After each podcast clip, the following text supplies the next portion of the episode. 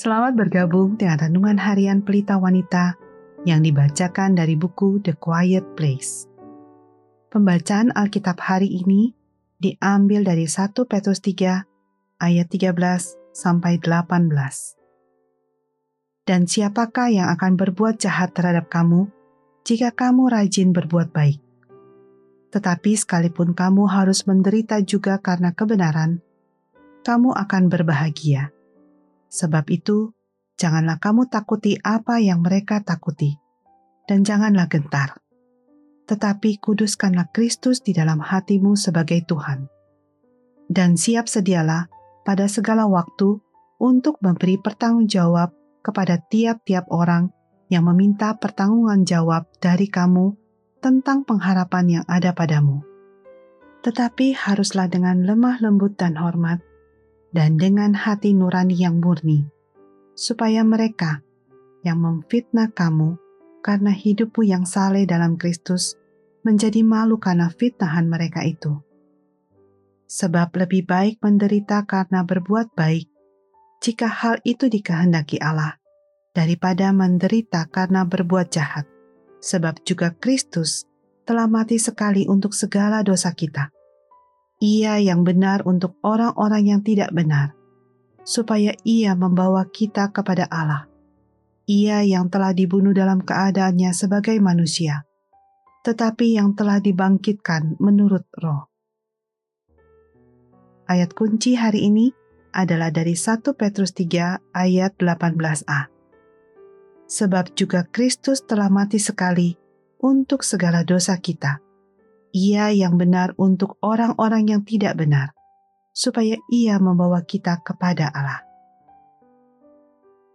Sekarang dan selamanya. Saya pernah mendengar orang berkata, "Saya sedang berusaha mengampuni." Ini menunjukkan mereka percaya pada mitos ketiga, yaitu pengampunan adalah sebuah proses sering kali kita perlu melakukan perjalanan yang panjang dan melelahkan untuk mengatasi suatu kepahitan. Tetapi saya telah melihat orang yang berusaha dengan berbagai cara untuk mengampuni selama bertahun-tahun, namun tidak pernah berhasil. Bahkan saya berani berkata bahwa ketika pengampunan dianggap sebagai suatu proses yang sedang berlangsung, maka jarang sekali pengampunan itu dapat terwujud.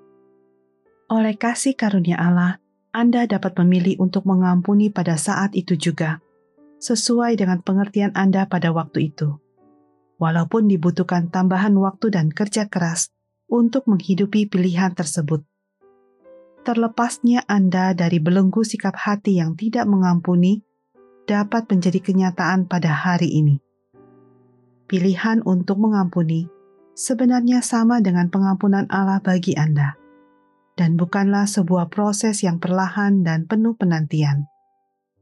Sama seperti ketika Anda mendapatkan kasih karunia Allah pada saat tertentu, pada saat yang sama juga Anda dapat membagikan kasih karunia tersebut bagi sesama. Inilah permulaan prosesnya. Kesediaan Anda untuk mengampuni sebenarnya adalah awal dari proses penyembuhan yang sejati bukan bagian akhir dari proses penyembuhan yang berkepanjangan. Pengampunan membawa Anda masuk ke dalam proses pemulihan dan bukan sebaliknya. Sekalipun dengan berjalannya waktu, Anda membuat kemajuan dalam hal mengampuni.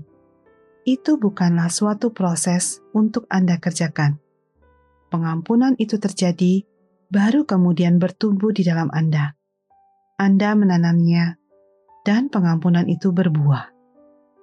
Sebagai penutup, mari kita renungkan pertanyaan ini. Apakah Anda sedang mempertahankan hak untuk tidak mengampuni seseorang sampai Anda merasa sudah benar-benar sembuh? Bagaimana kematian Kristus bagi orang-orang berdosa dapat memotivasi dan memampukan Anda untuk mengampuni orang yang telah bersalah kepada Anda?